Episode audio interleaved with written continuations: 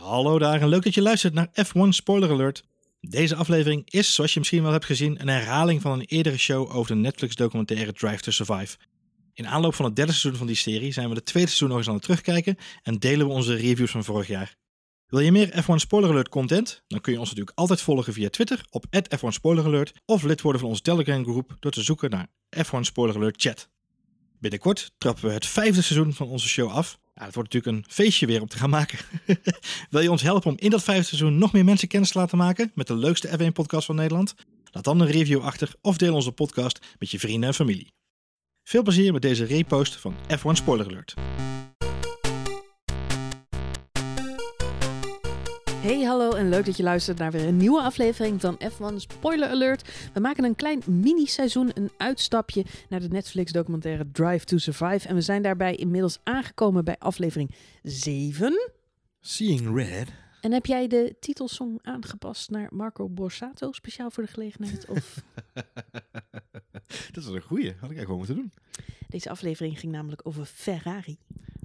Het rode team. Zoals we. Ferrari. Het ging constant over de red car. De red car. I, Ja, lo- I love driving in the red car. Ja. Wat was jouw eh, indruk van deze aflevering? Nou, ik denk dat als eh, Mercedes ergens heeft eh, lopen knippen en plakken in de montagestudio van, de, van hun aflevering, dat Ferrari dat wel degelijk ook gedaan heeft. Volgens mij had er in deze aflevering een heleboel meer gezeten dan dat we nu hebben gezien. Wij zitten natuurlijk wel met onze snuffert bovenop het Formule 1 seizoen. Maar zelfs voor de, eh, de, de meest casual kijker van de Formule 1 eh, is duidelijk dat hier niet alle verhaallijntjes goed getoond worden zoals ze zijn geweest afgelopen seizoen. Ze zullen bij de makers van deze documentaire zo verschrikkelijk blij zijn geweest dat Mercedes en Ferrari dit seizoen wilden meewerken. Dat ze waarschijnlijk akkoord zijn gegaan met elk ingrijpen, correctie. Ja, ik denk, ik denk daadwerkelijk echt dat er maar één ding langer is dan de strategielijst van Ferrari, de mogelijke strategie van Ferrari. En dat zijn de mitsen en maren die ze hebben laten optekenen om mee te, komen, te doen aan deze serie. Eh, volgens mij hebben ze zoveel dingen, eh, en het geldt voor Mercedes hetzelfde, volgens mij hebben ze zoveel Ja. voorwaarden opgeworpen om mee te doen. Het was, eh, wat mij opviel, het was een hele brave aflevering. Het was in al die hoedanigheid wel een. ehm, ik, hoe heb ik het opgeschreven? Maar de serie, ik vond de serie was waarheidsgetrouw. Eh, of de De aflevering. aflevering, ja. En ik vind tot nu toe tekent dat wel een beetje dit seizoen van Drive to Survive. Want we hebben het eh, in de eerste aflevering even gehad over vorig seizoen. En toen zat je als fan ook vaak te kijken dat je dacht van waar zit ik naar te kijken joh, Ja. dat klopt niet helemaal. Ik vind wel dat ze dit, dit jaar hun best hebben gedaan om het kloppender te maken. En ik zat naar deze aflevering te kijken, ja, dit klopt, dat klopt. Ze had bijvoorbeeld een hele goede montage van wat nou de rivaliteit was tussen eh, de twee Ferrari-mannen. Mhm. Vettel en Leclerc. Ja. Dus ze lieten Monza zien en ze lieten eh, nou, Amerika Singapore. Singapore, Ja, inderdaad, waar. Vettel dan weer mocht winnen. Ja, Sochi inderdaad. Ja. Ja, En met name, kijk, en dat was hetgene waar ik me wel aan stoorde. Je zegt het is waarheidstrouw. En dat ben ik eigenlijk wel volledig met je eens. Ehm, alleen, ehm, wat ik het moeilijke daaraan vind, is dat ze weer niet alles laten zien. Dus bij Monza, kijk, bij Monza laten ze zien dat de, de rivaliteit is wie wint Monza. Dat klopt, dat is inderdaad een rivaliteit die speelde. Maar wij als volgers van Formule 1 weten allemaal wat daar gebeurde in de kwalificatie. En welke strijd er tussen die mannen daar ontstond. En die weten ze dan weer eruit te halen. Dus het is aan de ene kant wel inderdaad waarheidsgetrouw. Dus de, de volgordelijkheid van zaken wordt goed weergegeven. Alleen de, de nasty details, om zo maar te zeggen, die, die hebben ze de keurigheid weg weten te houden. ja, die mag je natuurlijk ook niet ver- vertellen. Maar ik vind het dan toch knap, want je, kijk, er zijn restricties en daar moeten de programmamakers zich aan houden. Eh, gezegd hebbende, hè, knap dat het in elk wel klopt. We zitten naar het kijken en we denken, nou, dit is wel ongeveer zoals ik me het seizoen Ferrari kan herinneren. En ook zoals ik het zelf zou samenvatten. Je kunt natuurlijk niet alles behandelen. Wat ik interessant vind, is tussen de regels door proberen ze natuurlijk toch dingen duidelijk te maken. Ja. En ik vind met name Sebastian Vettel speelt daarin een hele grote rol. Ja, en die doet het ook heel subtiel, vind ik. Ja, toch? Ja, vind ik wel. Gewoon een kleine, kleine zinsnede, of de manier waarop hij dingen Het zegt. is af en toe alsof Sebastian Vettel de kijker aankijkt met zijn mooie blauwe ogen. En, en alsof hij op zijn voor heeft staan. Help Help. Help. Is zo'n briefje wat omhoog Ja. zo. Red me. Deze. Het is, het is Help. Het is bijna de fourth wall break inderdaad. Zoals, eh, zoals Ja. dat eh, in, in films en series was gedaan wordt. Dat hij direct het, publiek aanspreekt. Dat inderdaad. gevoel, ja. Ehm, nee, het, het begint eigenlijk al aan het begin. Hè, wat, waarin hij dan zo mooi zegt. eh, the passion for the brand is what keeps the myth alive. Mhm. En toen dacht ik, ja, dat is feitelijk wat er inderdaad aan de hand is. Dat Ja. is een hele feitelijke weergave van Ferrari. En iedereen die buiten Ferrari loopt, Ja, zal dat zo zien. Er wordt een mythe in leven gehouden. ja. En bij Ferrari zullen ze dat niet zeggen. Bij Ferrari zeggen ze, wij zijn nog steeds, en we hoeven niks in leven te houden. Het is nog steeds levend, weet je wel. Fragmentje waar ik heel erg om moest lachen was dat eh, die PR-briefing, die we al een paar keer als teaser hebben gehad. Maar dan zie je dus Charles Leclerc en Sebastian Vettel en dan zit daar zo'n PR-dame. Dit is ook precies de PR-dame die ik me van Ferrari had voorgesteld. Exact. En Een hele lieftallige mevrouw. Ik weet niet hoe ze heet, maar ik kan me zo voorstellen dat ze eh, Gia- Gian Italia, Gian, Gian Maria, Gian weet ik veel wat, een of andere hele mooie vriendelijke Italiaanse damesnaam. Mhm. En die, ehm, die, ja, die, die neemt even de krantenkoppen mee. Ja. En die zegt dan, eh, hè, we- ze maken weer grapjes over ons. Of, ze, of ze, ze, ze, ze hebben het weer op ons. Dat het allemaal weer ruzie en nijd is. Dus laten we maar goed naar de buitenwereld laten merken dat er helemaal niks aan de hand is. Ja. Bij Ferrari. Waar de heren van de montagestudio keurig de blikken van Vettel en, eh, en Leclerc onder Ja, en dan wordt er nog zo'n knullig grapje gemaakt. Zo van eh, zoentjes uitdelen en elkaars handje vasthouden. Maar het geeft toch wel... En tuurlijk, dit is ook in scène gezet voor dit shot. Maar aan de andere kant geeft wel een beetje een inkijkje... ehm, en, en ik ben gek op Italianen, hè? laat me dat vooropstellen. Ik hou van die mensen. En ik ga heel graag naar Italië op vakantie. Maar het lijkt me wel verrekkers moeilijk om, om bij Ferrari te werken. Ja, het is, En het is wel echt een ik cultuurverschil. wou zeggen, het is, het is part passie, part cultuur. Ja, waar, en, en als ze eh, kritisch zijn op het merk, dan wordt het toch een beetje onder de mat geschoven. Zo van, nou, hè, daar gaan we het eh, naar buiten toe maar even Even niet, niet over hebben. over hebben. Het is gewoon een beetje een dictatuur wel. Ja, nou, en op zich is dat natuurlijk ook logisch als je zo'n merk in stand moet houden. Want we praten over een daadwerkelijk een levende legende, om het zo maar te zeggen. Dus Mm. om dat merk zo in leven te houden, zul je dat ook moeten. Er zal een bepaalde controle moeten zijn. Een bepaalde manier van met, met ijzeren vuist zou ik willen zeggen regeren. Eh, dus ik snap dat wel. Ehm, alleen de, de tone of voice van, van eh, eigenlijk eh, en die, persconfer- die persbriefing die jij eh benoemt, maar ook de manier waarop Charles Leclerc daarin wordt, wordt gepositioneerd en ook hoe hij zich opstelt naar, naar Vettel toe. Hè. Ik ben geboren in 97 en weet ik veel wat ik al weet. Jij zei zelf al terecht van Vettel wordt constant neergezet als Oh, ik word daar helemaal niet goed van. alsof hij al hoogbejaard Alsof is. hij al een oude lul is, maar die jongen is 32. Ja. Hij zegt het zelf op een gegeven moment ook van, ik ben niet meer de jongste, maar ik ben ook niet oud. Nee. En dat zegt hij met zo'n half glimlachje om zijn lippen, terwijl dat ik denk, ja, het is ook, de, de hele Formule 1 wereld schrijft hem af. Maar lieve mensen, Lewis Hamilton, die is twee jaar ouder. Ja. Dus ja, die, die wordt gewoon Met het- lachend Met wereldkampioen. het En juiste materiaal. ja, en iedereen heeft het erover dat hij nog vijf jaar door kan. Ja. Dus, en, en Vettel inderdaad, omdat er dan zo'n eh, Charles Leclerc naast hem wordt gezet, wordt hij een beetje weggezet als eh, oude lul. Maar Wat- goed, dat doet mij- hij zelf ook een beetje. Het En, gevoel eh, wat mij bleef, bleef beklijven eigenlijk, het gedaan, want we, we hebben het nu toch even over, over Hamilton. Hij komt natuurlijk in deze aflevering ook voorbij, omdat hij in Amerika, waar Ferrari de akkoord had gegeven om te filmen, wereldkampioen wordt. wereldkampioen. Ehm, wat mij eh, eigenlijk een beetje in mijn hoofd bleef doorcijpelen is... Eigenlijk was ik wel benieuwd geweest als de stoelen omgedraaid waren geweest. En als inderdaad nu Hamilton afgelopen twee jaar, of drie jaar misschien wel, op de plek had gezeten van, van Vettel... In een team als Ferrari, met Kimi Räikkönen in eerste instantie als, eh, als, eh, als eh, tweede coureur naast hem. Ehm, en dan vervolgens eigenlijk uit het niets ineens zo'n jonge gedreven gast. Feitelijk heeft hij, als je het wil vergelijken, een type Max Verstappen naast zich gekregen. Hetgene wat hij bij Mercedes al jarenlang probeert tegen te houden. Om natuurlijk te voorkomen dat hij in Ja, de- ja. in- onder druk komt te staan. Dus Sterker nog, er was even sprake van dat Ocon eh, naast hem zou komen te zitten. En ik, ik, ik weet wel zeker dat dat eh, gewoon in eh, Huizen Hamilton eh, behoorlijk is dus afgekeurd. Not, not done, not done. nee. Nee, maar ik, doe, dus ik vroeg me echt oprecht af. We hebben het, hè, er wordt veel gesproken over hè, de, de, de droom van Hamilton in een rode overal. Ehm, ik, denk niet, ik weet niet of Hamilton er zelf zoveel over droomt. Omdat ik me echt oprecht afvraag dat als, ook al is Lewis Hamilton, en we hebben in de afgelopen afleveringen vaak gezegd, die man is gewoon heel erg goed en het is de beste coureur op dit moment. eh, en misschien wel van zijn generatie. Maar dan nog ben ik benieuwd als hij in dezelfde situatie had gezeten als Sebastian Vettel. Met, nou ja, laten we even zeggen, vijf, zes ongelukkige jaren in een renstal waar het nou niet allemaal optimaal loopt. En dan ineens zo'n Charles Leclerc naast je. Ik ben benieuwd of Lewis Hamilton dan wel zo sterk in zijn schoenen had gestaan om betere resultaten te behalen. Ik denk het niet. Eh, omdat de aflevering van Mercedes die we besproken hebben, zie je heel duidelijk.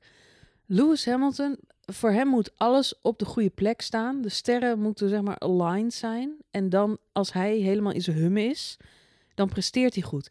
En het is wel zijn verdienste dat hij op de een of andere manier voor elkaar krijgt dat de mensen om hem heen zorgen dat die sterren eh, goed staan.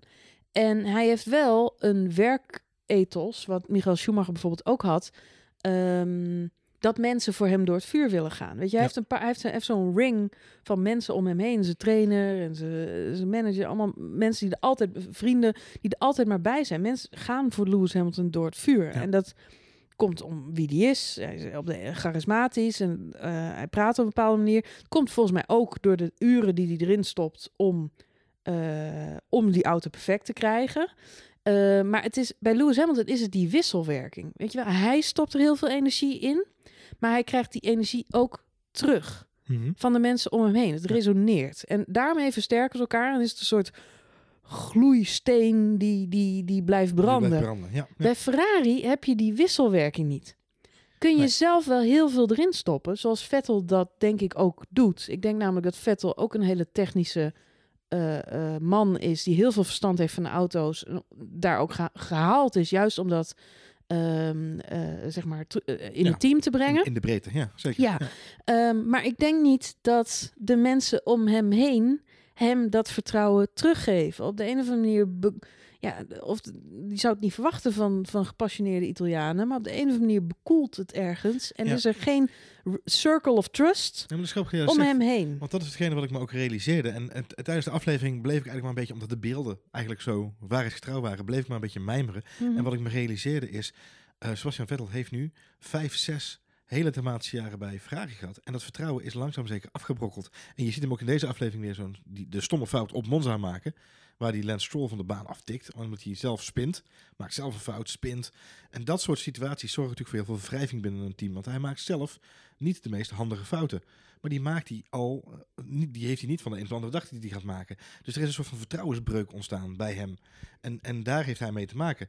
Daarom zeg ik, zou de situatie, eh, zou daar Hamilton hebben gezeten, had hij dan ook diezelfde vertrouwensbreuk gehad nu met het team op die manier. Want ook al, eh, en al zou, ze, hè, diezelfde ring of trust die jij nu omschrijft om Hamilton dus nog steeds zijn, na een aantal van die hele matige seizoenen die Ferrari heeft gekend. Nou, dat is hetgeen waar ik een beetje ook blijf Ja, hangen. dat is een beetje kip-ei wat je nu zegt. Eens, Want, ja, ja. want eh, Vettel maakt ook die fouten eh, doordat hij onder druk staat. Wat ik me tijdens deze aflevering terugvroeg, uh, afvroeg, Mhm. en het kwam eigenlijk door eh, het fragment vrij aan het begin van de aflevering, wat me ook het meeste raakte. Eh, en dat waren de beelden van Sebastian Vettel met Michael Schumacher. Ja. Hij zegt, Michael Schumacher is mijn grote held. Altijd al geweest. Michael Schumacher kwam vroeger bij ons op het kartbaantje kijken. En hij was meervoudig wereldkampioen. En hij kwam met de kinderen eh, karten. Ja. En, en, en- Stak en- energie in de stak mensen energie ja, ja, in ja, die. eh. Hij was mijn held. En ik zag hem alleen maar races winnen met Ferrari. En vergeet niet, Schumacher begon bij Renault, werd twee keer wereldkampioen. Eh, Ferrari had ik op dat moment nog nooit van mijn leven een race zien winnen. Dat, dat was lang voordat ik Ja. Formule 1 ging kijken ooit nog gebeurd. Ja. En die gekke Michael Schumacher die besloot om naar Ferrari te gaan en om Ferrari te redden, om het uit de slop te trekken en weer succesvol team te maken. En ik dacht, nou poe, ik geef je te doen. En dat lukte hem. Hij werd vijf keer wereldkampioen. En ik snap, ik snap, hij zegt het zelf notabene nog een keer en hij bevestigt daarmee ehm, ja, de, de grote mythe en ook wel zijn beweegredenen om in dit moeilijke Ferrari eh, plaats te nemen, is vanwege zijn grote voorbeeld. Mhm, ja. En tijdens het kijken van de aflevering dacht ik, hoe anders waren de zaken geweest als Michael Schumacher niet in die verdomde coma was beland. Mhm. Want dan had Michael Schumacher, we hebben het vaak over dat zijn zoon race nu natuurlijk ook Mick Schumacher en dat die, die is er nog niet en het is ook heel moeilijk. Maar ook in het leven van Sebastian Vettel had Michael Schumacher een rol. Ook binnen Ferrari Ja, had klopt. Michael Schumacher een rol. Ja, ja. En hoe anders had de vork in de steel gestoken als Michael Schumacher op dit moment als een soort mentor, Nog bij dat coach, team. nog bij. Ferrari actief was geweest en samen met Sebastian Vettel Ik durf te wedden, had Charles Leclerc nooit in dat tweede stoeltje gezet geworden. dat weet ik wel zeker. Want ik denk dat Michael Schumacher daar een stokje voor had gestoken. Hm. Ik denk dat hij ergens ehm, gezegd had, dat moet je niet doen. Je moet niet twee campanen in één team hebben. Het is, ik bedoel, Michael Schumacher was zelf de grote... eh, eh, ja, hij is een succes geworden omdat hij hele dienstbare teamgenoten heeft gehad. Altijd. ja. Dus dat was de formule voor succes. Dus als hij een rol had gehad binnen het team of binnen Team Vettel of Vettel heeft ook geen medestanders. Noem maar één medestander van Vettel. Ja, Kimi Räikkönen, maar die rijdt bij Ja, nou ja, nou, dus, en een vreselijk sympathiek gast. En ik kan me ook voorstellen dat die twee heel veel lol met elkaar hebben gehad. En dat, het, Zeker. dat ze het goed met elkaar konden vinden, juist doordat ze eh, allebei een beetje wars zijn van de glitter en de glamour die Ik bij wil- Formule 1 Ik hoort. wilde zeggen op een nuchtere manier naar de sport keken, maar Ja, toen dacht ik, ja. Kimi Räikkönen nuchter, dat kan niet. Maar, eh, dus ik snap wel dat daar, dat, daar, dat dat werkte. Maar ik bedoel echt iemand die, die meedenkt. En die, ik vind het ook zo sneu voor Sebastian Vettel. Elke keer als hij een keer ergens zijn hart lucht of zo, dan komt dat weer in de media. Het anderhalf jaar geleden was hij met Bernie Ecclestone uit eten geweest. Dat prompt, een dag later lag een in verhaal op straat dat het eh, één grote chaos was bij Ferrari. En dat, hij daar, dat het heel moeilijk was om daar Ja. Eh, succes te behalen. En dat Afgelopen, dat, afgelopen winter was hij even op, eh op Afgelopen winter was hij heel even bij de jongens van Red Bull. Hij zegt, nou, kom gezellig even langs. Kom even bij jullie chillen, want dat is leuk. Het is toch in de buurt. Helmoet Marco, denk je wat? Komt hij naar buiten? Ja, Vettel, die... eh, Wil terug. ja, die wil terugkomen bij Red Bull. Daarom was hij op de skipiste bij ons. Hey. Ja, ik vind het ook wel... Het die man, ja. hij, heeft, ja, ik weet, hij heeft vast vrienden, familie en mensen die dicht bij hem staan. Maar hij heeft geen... Weet je, wel, Max heeft Jos en zijn manager. En die heeft ook een circle of trust. Mensen die voor hem boksen en vechten. En die zorgen dat zijn belangen behartigd worden. Eh, eh, eh, Vettel heeft heeft, Vettel in minder zichtbare nou, mate. Vettel ja. heeft een hele goede PR-dame. Dat schijnt een, een pitbull te zijn. Maar je moet ook je moet nog meer. Die circle of trust die moet groter zijn. En had Michael Schumacher daarin gezeten? Ja. Volgens mij eh, hadden we dan nu echt wel weer een Ferrari wereldkampioen gehad. Wat ik, wat ik opvallend vind wel, en ik ben het wel met je eens, want ik vind namelijk de, de onzichtbaarheid van die Circle of Trust Het schoot me ineens te binnen net tijdens het kijken. Toen dacht ik, ach, is eh, wat mij wel wat daaraan aan, eh, wat ik me ook realiseerde, is de opmerking van, van journalist Will Buxton, die, die ook tijdens de uitzending zei: er is een mate van klootzakkerigheid die je moet hebben om wereldkampioen te kunnen worden. En in hoeverre, als je Vettel denkt, denk je ook aan Multi-21 met Webber. Denk je ook aan de onnodige touches met Vettel Hamilton. heeft dat. Eh, Vettel heeft een, een bepaalde mate van Net, zo- klootzakkerigheid net zoals. Schumacher, ja. En net zoals Schumacher dat ook heeft. En, en, en hoeverre heeft dat hem die Circle of Trust wel een beetje gekost? Hè? Dat is moeilijk om, om in te schatten, vind ik. Ehm, eh, er zijn weinig oud-coureurs die eh, sympathie af en toe uiten naar, naar eh, Vettel, vind ik, op, als het gaat om zijn racen. Misschien wel om zijn, om zijn persoonlijkheid. Jij zegt, ehm, eh, want dat is eigenlijk het ene waar ik even op, op wilde inhaken, is jij zegt, als Schumacher daar had gezeten, en dat is een hele grote als, helaas, dan, dan was Leclerc daar niet in dat stoeltje terechtgekomen. Ehm, aan het begin van deze uitzending wordt dat nog een beetje gebracht als, oh, ze nemen een risico en ze gaan waarschijnlijk wel kiezen voor de ervaren coureur met de jonge hond ernaast. Maar eigenlijk wordt natuurlijk al vrij snel duidelijk dat Leclerc die rol helemaal niet wil hebben. En zo langzaam maar zeker horen we natuurlijk ook in Binotto zijn stem terug dat hij die rol eigenlijk ook helemaal nooit heeft gehad. Want aan het einde van de show zegt onze grote vriend Binotto ook gewoon: eh, als je soms in de hoek zit waar eh, de klappen vallen, zul je een risico moeten nemen. En ook in de toekomst zullen we niet bang zijn om dapper te moeten zijn. Ehm, en, eh, of zullen we het niet nalaten om dapper te moeten zijn. Waarmee ze eigenlijk willen benadrukken is, eh, we hebben een keus gemaakt om de na jongste Ferrari-coureur alle tijden hier neer te zetten. Met wel degelijk als doelstelling om daar een lange termijn eh, het gezicht en de toekomst wereldkampioen van te maken. Ehm, en, en, het talent van Leclerc, denk dat we daar, en dat wordt in deze aflevering ook wel duidelijk, hij is gewoon razendsnel. En hij kan, eh, we hadden het over de race eh, op Monza, waarin hij verdedigt op Hamilton. Hadden wij het ook tijdens de uitzending even over. Dat is gewoon best wel miraculeus hoe hij daar die auto voor Hamilton weet te houden eigenlijk. Ehm, weet je, het is gewoon een, on- een, een ongelooflijk talent. Dus eh, in hoeverre denk je, ik denk niet dat het per se tegen te houden was geweest dat hij er op den duur was gekomen. Nee, alleen, eh, ja goed, we, we zullen nooit weten bij welk Nee, team of ja, welk, ho- hoe, op welke manier. Ik denk dat, dat, ik denk dat Leclerc altijd voor Ferrari bestemd was. Klinkt heel stom, maar ik denk dat, dat eh, of dat nu al was geweest, weet ik niet. Maar in elke andere situatie, kijk, het nu gelopen zoals het is gelopen. Maar ik denk dat, dat de Leclerc altijd bij Ferrari terecht zou zijn gekomen. En dat het ook wel het beste bij hem past. Op ja, het komt misschien ook omdat je dat nu zo gewend bent. Maar voor mijn gevoel zegt toch gewoon, dit past gewoon zo nu. Ja, Ja, nee, ik snap wel wat je bedoelt. En, eh, eh, de- ja, nee, klopt. Het is, het, het is nu zoals het is.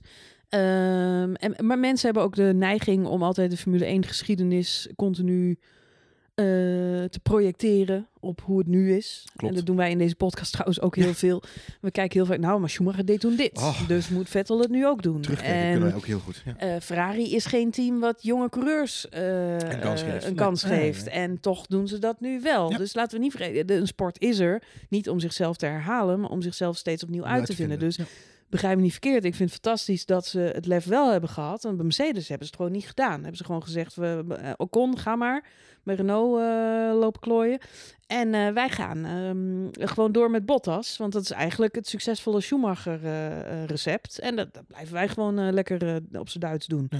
Nou ja, en bij Ferrari hebben ze wat meer risico genomen. Wat, wat ik lastig vind, is dat... Um, uh, in deze aflevering komt dat uiteraard niet aan bod. Maar de grap is wel dat het zich allemaal centreert rond de Grand Prix uh, van Amerika. Jij en ik weten allebei dat dat de race is waar uh, de FIA toch wel een behoorlijk dikke streep door bepaalde... Door de motor van Ferrari. Ja, door de motor van Ferrari heeft gezet. Ja. Dat hele ingenieuze systeem wat ze erin hadden, waar nu ook nog weer steeds nieuws over is ja, dat bleek gewoon illegaal te zijn. En, en ineens waren ze gewoon een minuut langzamer dan de rest van het veld. En ja. de rest van het seizoen zijn ze er ook niet meer bovenop gekomen. Dus het zal voor eeuwig een mysterie blijven. Um, maar ze hebben gewoon keihard gesjoemeld. Sinds de zomer tot aan Amerika ja. hebben ze een hoop races gewonnen. Maar allemaal met denk, dank aan technologie die gewoon illegaal was. Nou, uiteraard wordt daar helemaal niks over gezegd in deze superbrave documentaire. Ja. Um, maar het is wel de vraag... Um, uh, jij zegt net van, uh, hè, kan Vettel nog? Uh, ik, ben, ik ben altijd benieuwd hoe coureurs de winterstop uitkomen. Wat hebben ze gedaan? het is ook, ja, wij als sportfan, je kunt het aan de buitenkant soms niet verklaren. We zitten van de week naar voetbalwedstrijden te kijken van een zekere club uit Amsterdam. En we hebben het erover, wat is hier gebeurd? Vorig jaar spelen ze hartstikke goed en nu ineens is het drama bij Formule 1-coureurs zie je soms dezelfde dingen gebeuren. Mm-hmm. Uh, iedereen had vorig jaar, we hebben heel veel gelachen om Bottas 2.0, maar coureurs kunnen uh, iets vinden waardoor ze het verschil kunnen maken. het verhaal Nico Rosberg. Nico Rosberg wist zeker dat hij van Lewis Hamilton nooit kon gaan winnen. Mm-hmm. Lewis Hamilton is gewoon by far de allerbeste coureur. Valtteri Bottas, die weet het ook. Dus mensen als Valtteri Bottas en Nico Rosberg, die zullen op zijn Louis Vergaals op zoek moeten naar de 10%, de 10% die ze wel kunnen beïnvloeden. Want meer talent, daar kunnen ze nergens inkopen. Maar ze kunnen wel andere dingen doen. Uh, krachttraining, uh, andere voeding, uh, vegetarisch worden. In het geval van Nico Rosberg, die liet speciale handschoentjes maken. En hij stopte met fietsen. Hij stopte met fietsen, want daardoor verloor hij net... 8 seconden. Ja, dat, dat, dat, dat scheelde net 1 kilo spiermassa. En dat maakte inderdaad 0,8 seconden verschil. En Lewis Hamilton, die snapte niet wat er aan de hand was. Hij snapte niet dat Nico Rosberg ineens zo'n fractie van een seconde sneller was dan hij. En dat had dus te maken met zoiets simpels als stoppen met fietsen en andere handschoenen die lichter in het gewicht waren. Dat ja. soort dingen. Ja. En als. Uh, Jij vraagt je af of Vettel dat nog gaat vinden. Nou ja, ik ben wel heel. Kijk, we hadden het net over Rijkonen. Vettel hmm. heeft heel lang met Rijkonen samengewerkt. Rijkonen is wars van alles wat te maken heeft met optimalisatie. Dus Weet je wel, Louis Vergaal, Kimi Räikkönen, die staan aan het andere kant van het spectrum. die hebben helemaal niks met elkaar. Kimi Räikkönen, die wordt 's ochtends wakker. Het enige wat die jongen nodig heeft is takken veel slaap. Heb ik in zijn autobiografie gelezen. Ja. Die slaapt de godganse dag. Dan maakt iemand hem wakker en zegt hij, Kimi, je moet nu in de auto gaan zitten en je moet rijden. Dan zegt Kimi, wow. Dan gaat hij zitten en dan is hij hartstikke snel. Ja. En hij heeft uh, een leuk huis samen met zijn vrouw ergens in de, in de bergen. Ja, Daar hebben ze een fantastische uh, uh, gymzaal, sportschool. Ik zie hem elke dag lekker uh, workouts doen ja, met zijn vrouwtje. Dus ze zorgen wel dat ze fit blijven. Het is niet zo dat ze, dat ze alleen maar zitten te zuipen en niks doen. Hij zorgt wel voor zijn lichaam. Maar dit is geen atleet die, uh, weet ik veel, allemaal halsbrekende toeren uithaalt. Om... En daarom is hij uiteindelijk ook maar één keer wereldkampioen geworden. Mm -hmm. um, jonge jongens zoals Charles Leclerc en um, uh, Max Stappen, die trouwens ook net een nieuwe trainer heeft, las ik vandaag, die Um, die hebben ook nog een beetje dat, dat, dat uh, gemakzuchtige overzicht. Zo van, nou, ik heb gewoon een talent. Weet je wel, ik, ik ken die circuits met mijn ogen dicht. Al, al is het donker, dan, dan, dan rij ik het nog helemaal uh, fantastisch uit. Um, dus die, die, die, ook die trainen heel braaf, maar die zijn ook nog niet op zoek naar die 10%. Want, die, want die hebben zoiets van, nou, ik ben gewoon goed. Dus, uh, dus ik ben heel benieuwd, waar, waar kan Sepp Vettel nog het verschil maken? Nou, mentaal. Ergens moet er een knop om. En eh, of hij moet gaan simracen. Of hij moet, ik weet niet wat hij deze winter gedaan heeft, maar in elk geval moet hij daar iets gevonden hebben. Moet hij seconden, misschien moet hij nieuwe handschoenen hebben. Misschien heeft hij met krachttraining of een andere sport of iets gedaan. Daar kan hij nog iets vinden. Wat heel vervelend is voor Seb Vettel is dat die auto's zo veranderd zijn in het hybride tijdperk. Seb Vettel is nooit echt een match geweest met deze Technologie. nieuwe Nee. Generatie auto's. En daar heeft Charles Leclerc gewoon ook alweer een groot voordeel op hem die ermee is opgegroeid. Eh, het Ik- kan ik- nog, het kan nog. Ik, ik denk dat het Maar ik- hij, is. zit Ja. wet, hij zit wel in het... ehm, hij, ja, hij moet, snap je wat ik bedoel te zeggen? Ja, ik snap hij moet zeggen, Hij ja. moet het ergens proberen te vinden. En dan is die kans er nog. Ik, kijk, het is heel simpel. Ik, ik En denk... Ferrari a- als team heeft ook een probleem. Want ze hebben een illegale motor. Dus ze moeten zelf ook nog een oplossing bedenken. En Nou ja, het ding zwabbert over de baan nou in ja, Barcelona. tijdens, tijdens de wintertest hebben ze nog niet echt heel veel succes geboekt. Maar ja, Nope. dat is altijd verstoppertje spelen.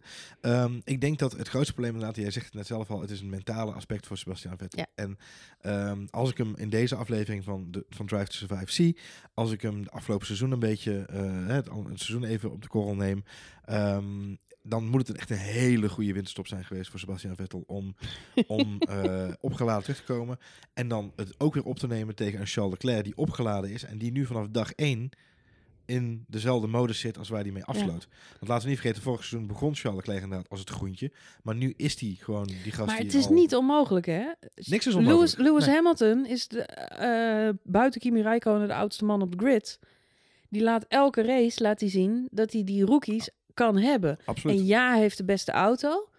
Maar ook als eh, Max Verstappen naast hem of Charles Leclerc naast hem in een Mercedes zou zitten, denk ik dat ze alles zouden moeten geven om Lewis Hamilton te verslaan. Ben ik wel overtuigd. Ja, absoluut. Dus ja, Het, het kan zeker. je kunt de groentjes verslaan, maar je zult het ergens anders moeten zoeken. Het belangrijkste is, je moet het willen. En dat is het moeilijke wat ik bij Sebastian Vettel wel in zijn proef Maar in zijn ge- opmerkingen. Ja, vind je dat? Ja, twijfel je eraan? Ja, soms wel. Ik denk, Ik als, heb dat. eh, als ik hem nu ook weer zie, dan kijk ik in zijn ogen en dan denk ik... Ja, je hebt gewoon de balen van de situatie zoals die is. Je, je vindt de manier waarop er met je om wordt gegaan, vind je niet tof. De manier waarop je jezelf moet gedragen binnen het team, vind je niet tof. Het materiaal waar je mee moet werken, vind je niet tof. Volgens mij ben je er gewoon wel een beetje klaar mee. Het feit dat hij, bij, Oh, nee. dat hij in Kidspool bij ja, eh, ja. Red Bull even een biertje gaat drinken, eh, of een Red Bulletje gaat drinken, eh, en even gaat staan kletsen. Ondanks wat Marco, Helmut Marco ook zegt, maakt me niet uit, maar hij kiest er wel voor om dat te doen. Mhm, Hij zoekt dat op, Mhm. terwijl hij heel media schuw is, mhm. zoekt hij dat dan weer juist wel op. Ehm, het zijn knipoogjes, het zijn signaaltjes die hij afgeeft waarbij hij aangeeft, ik ben een beetje aan het kijken na mijn tijd bij Ferrari. En eh, eind dit seizoen eindigt zijn contract. Ja. Leclerc heeft verlengd tot 2024 uit mijn hoofd. Ja. Eh, dus hij blijft daar lekker nog rondjes rijden in die rode bolide. En ik vraag me af of Sebastian Vettel aan het einde van dit seizoen gewoon niet zegt, jongens, tabé. En de vraag is dan, zegt hij tabé, ik ga lekker eh, thuis aan mijn motor sleutelen.